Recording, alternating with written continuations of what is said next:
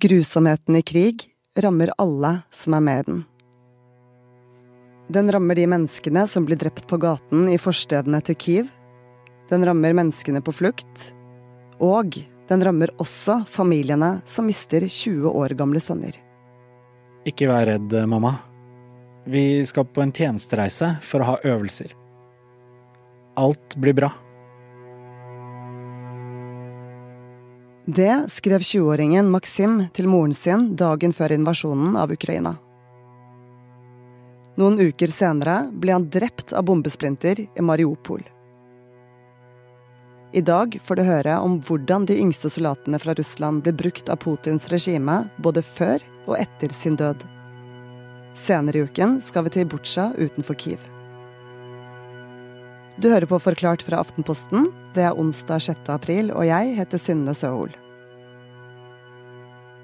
Vi oppdaget at eh, selv om da russiske myndigheter eh, knapt eh, ville innrømme at de hadde tap på det hele tatt, så var det ikke mulig å skjule at det kom hjem mange døde. Folk ble fraktet hjem i toglaster, og selv om de ble knapt nevnt i de store Kreml-mediene, var det ingen tvil om at det skjedde noe. Per Anders Johansen er en av flere journalister i Aftenposten som prøver å finne ut av hvem de soldatene er.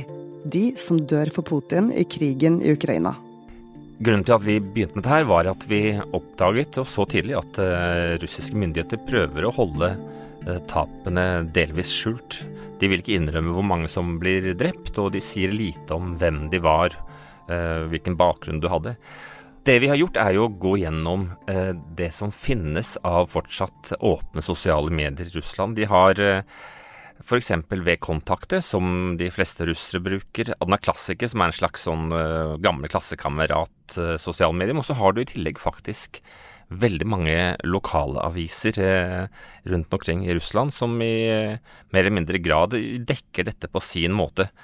Alle holder seg jo til reglene, for hvis ikke så blir det jo stengt. Men de skryter av sine helter, de omtaler dem, og på den måten er det mulig å legge sammen et ganske fascinerende puslespill. En av bitene i det puslespillet er soldaten Andrej Dandarov. I en eh, minnevideo full av bilder som viser en smilende gutt med kortbarbert hode, blåser han ut lyset på en bursdagskake.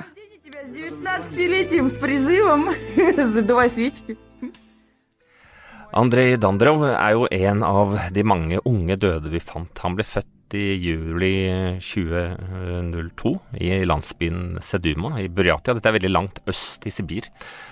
Hans foreldre døde i, mens han var bare noen år gamle, og han vokste opp hos bestemoren. og Når han uh, var på skolen, studerte han egentlig til, å, til, landbruk. Det var der han antageligvis ville havnet. Men så ble han da innkalt til verneplikt i en luftbåren brigade, og han ble fallskjermsoldat.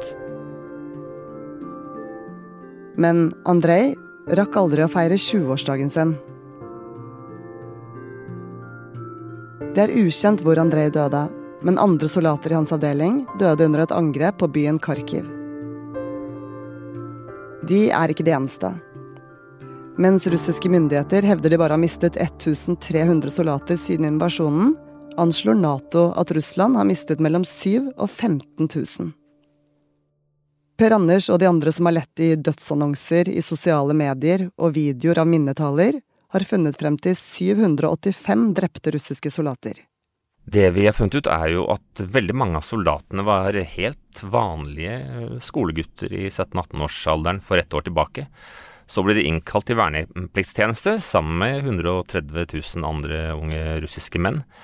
Og uten noen som helst krigserfaring og eh, begrenset utdannelse, så ble altså disse sendt til krigen i Ukraina bare åtte til ti måneder senere.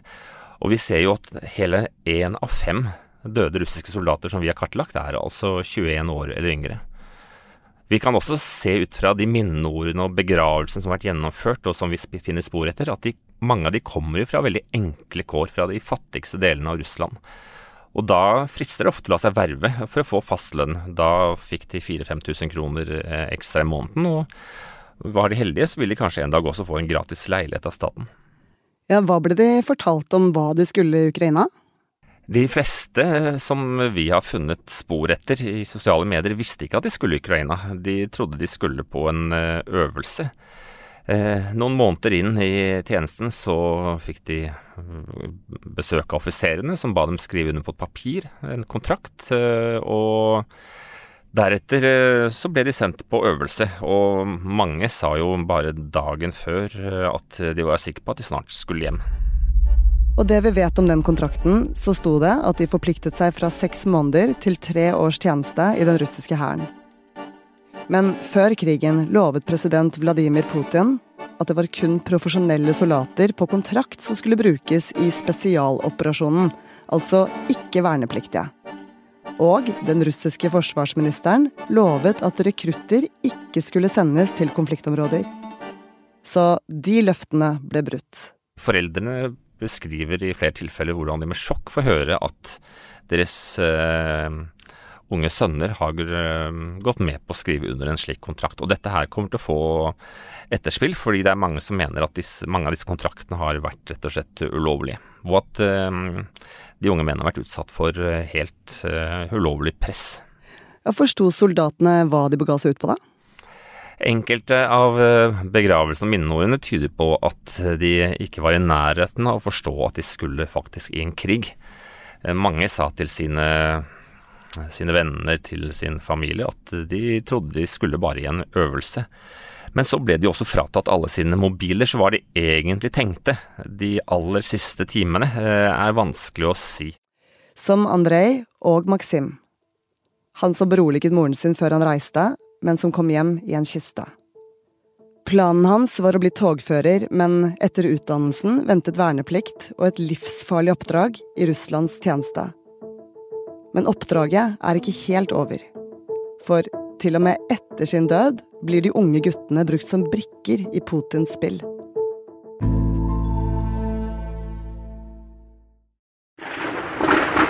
Soldatene som trodde de dro ut på spesialoppdrag, kom rett fra skolebenken og gutterom.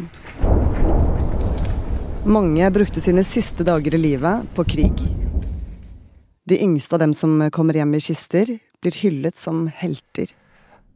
Når vi ser på minneordene, lokalavisens dekning av begravelsen, så er det på en måte ganske forskjellige. Noen har jo en minnestund ute i snøstormen i Sibir, mens andre er gjenstand for en veldig storslått begravelse i byens uh, kirke eller i kulturhus med hundrevis av mennesker til stede. Ved begravelsene så fortelles jo de mest utrolige historiene om hva de skal ha gjort. I, i minneord til 19 år gamle Alexei f.eks. står det at han var den flinkeste eleven til å demontere og sette sammen en, eh, et eh, maskingevær av AK-547 raskest mulig. En annen får eh, æren for å ha reddet over 100 mann i kompaniet. En tredje får æren for å ha skutt i stykker fire stridsvogner.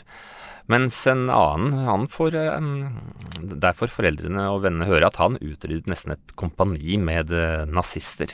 Så nye myter eh, skapes om hva som skjer i denne krigen.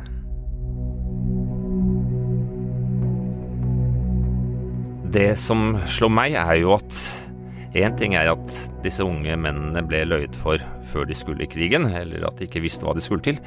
Men eh, også etter at de er døde, så fortsetter dette skuespillet. Eh, løgnen om at de ikke har vært i krig, at de bare har vært i spesialoppdrag, gjentas. Og hver eneste en av dem er jo blir omtalt som store helter. Det legges fram de mest utrolige heltehistoriene som er nesten hentet fra en slags sånn krigsfilm. Om at de skal ha tatt livet av massevis av mennesker, eller reddet hundrevis av mennesker. Og dette er jo selvfølgelig historier som man aldri vil kunne bekrefte, men de virker for utrolig til å være sanne. Men eh, dette er ofte store begivenheter i de små eh, byene. Altså når tre-fire unge menn fra en eh, landsby i Sibir eller Buratia eller eh, lenger øst forsvinner, så er dette en, en, stor hendelse som det er nesten vanskelig for myndighetene å holde helt, eh, helt skjult. Men ligger det ikke et paradoks i dette? At samtidig som de døde soldatene blir hyllet med flotte begravelser og minneord, så ønsker de russiske myndighetene å holde de offisielle dødstallene nede. Hvordan får de til det? Så lenge alle de store mediene og de sosiale mediene er under kontroll av Kreml, så, så bestemmer jo Putin og Kreml helt hvilken historie som skal fortelles. Og de vi har klart å finne, er jo bare et lite mindretall. De fleste som er drept, er jo ikke omtalt noe som helst sted offentlig, heller ikke på sosiale medier eller i lokalaviser. Vi vet at en del begraves eh, helt hemmelig, så det er lett å holde dette her skjult. Og eh, samtidig så trenger eh, Putin og Kreml frem, De trenger eksempler på at det finnes russere som er villige til å dø for deres historie, for deres ideologi. Og uh, denne heltedyrkelsen går inn i et mønster vi har sett i svært mange år. Ja, Så de fleste holdes helt hemmelig eller skjult for uh, russiske folk? Dersom de reelle dødstallene var kjent, så er det klart at uh, det kunne være skadelig og farlig for Putin. Ja, for hvorfor er det så viktig for Putin å få folk til å tro på denne historien? For å fremstille dette her som en spesialoperasjon, og altså ikke en krig, så kan ikke dødstallene være for høye. Eh, for da avsløres jo at eh, dette språket, denne offisielle fortellingen om at man kunne inn og gjøre en, en liten en spesialversjon, da, da, da, faller det helt vekk. Eh, og det blir også vanskeligere å gi inntrykk av at man har vunnet, hvis tapstallene er, er høye. Alt tyder jo nå på, hvis vi eh, ser på f.eks. tallene som Nato bruker, og de er jo basert på at man rett og slett bare teller ødelagte stridsvogner, kjøretøy, fly, helikoptre, hvor vi vet det har vært mennesker inni. Og de anslår at om lag 7 000-15 000 russiske soldater eh, er drept. Ja, og det er jo dessverre helt umulig å vite hva russere flest tror eller mener, men eh, hva med disse foreldrene som har mistet det kjæreste de har, hva sier de? Noen av de viktigste kildene som vi har funnet, er jo uh, lokalaviser, uh, små aviser fra, ja, fra, Baikal til skogen i Karelia, uh, hvor man intervjuer foreldrene, og hvor foreldrene faktisk sier en del om hva de vet. historien til Maxim, eksempel, som var 20 år da han døde. Han vokste opp i Bataisk i Rostov, og da kunne moren fortelle at han bare noen dager før sa til henne ikke vær redd, mamma, vi skal bare på en tjenestereise for noen dager, så alt dette her blir bra. Så gikk det da bare to uker, så fikk hun besøk på døren av en militærkommissær og to leger, og en ambulanse, faktisk, og som fortalte at hennes sønn var død, og at han var blitt drept av eh, bombesplinter da russiske styrker angrep Mariupol. Moren til Maxim, som du hørte om i starten, husker ikke noe fra sønnens begravelse og hun går fortsatt på tungt bedøvende medisin. Og faren hans sier han ikke trenger å vite hvordan sønnen døde. For dem er det nok å få vite at han har fått en medalje for mot, noe hver eneste en får. Alle som eh, har blitt drept i denne invasjonen, har fått en medalje for mot. Men han sier jo at det er nok for, eh, for dem. Men vi har også funnet andre eksempler på mm, eh, foreldre som stiller spørsmål med hvorfor deres sønner ble sendt av gårde. Eh, en måte å komme med forsiktig kritikk er f.eks. å si, som noen forteller, at ja, men sønnen vår han hadde jo tenkt å slutte. Eh, han hadde tenkt å gjøre helt andre ting med livet. Eh, men de aller fleste foreldrene er jo med på dette dette skuespillet og fyller den rollen som uh, guvernøren eller ordføreren eller uh, militærkommissæren vil at de skal spille. Men det finnes enda en grunn til at familiene velger å ikke snakke så høyt om dødsfallene. Det er også mange andre grunner til at foreldrene og familiene, de etterlatte, barna, eh, ektefellene, hustruene er forsiktige. Og det er jo det at de skal jo få en erstatning utbetalt. Og, og eh, denne erstatningen skal behandles, og dersom de lager bråk, så er det ikke sikkert at de får det. Og eh, i tillegg så er det jo faktisk slik at dersom man på sosiale medier eller i lokalaviser kritiserer krigen, så kan du straffes eh, veldig, veldig hardt. For det første får du helt sikkert en bot som utgjør en par månedslønner, men eh, i verste fall så kan man jo altså få opptil 15 års fengsel. Så mm, da skal du veie dine ord forsiktig, og det, det gjør eh, russere. Selv om de mister sine barn.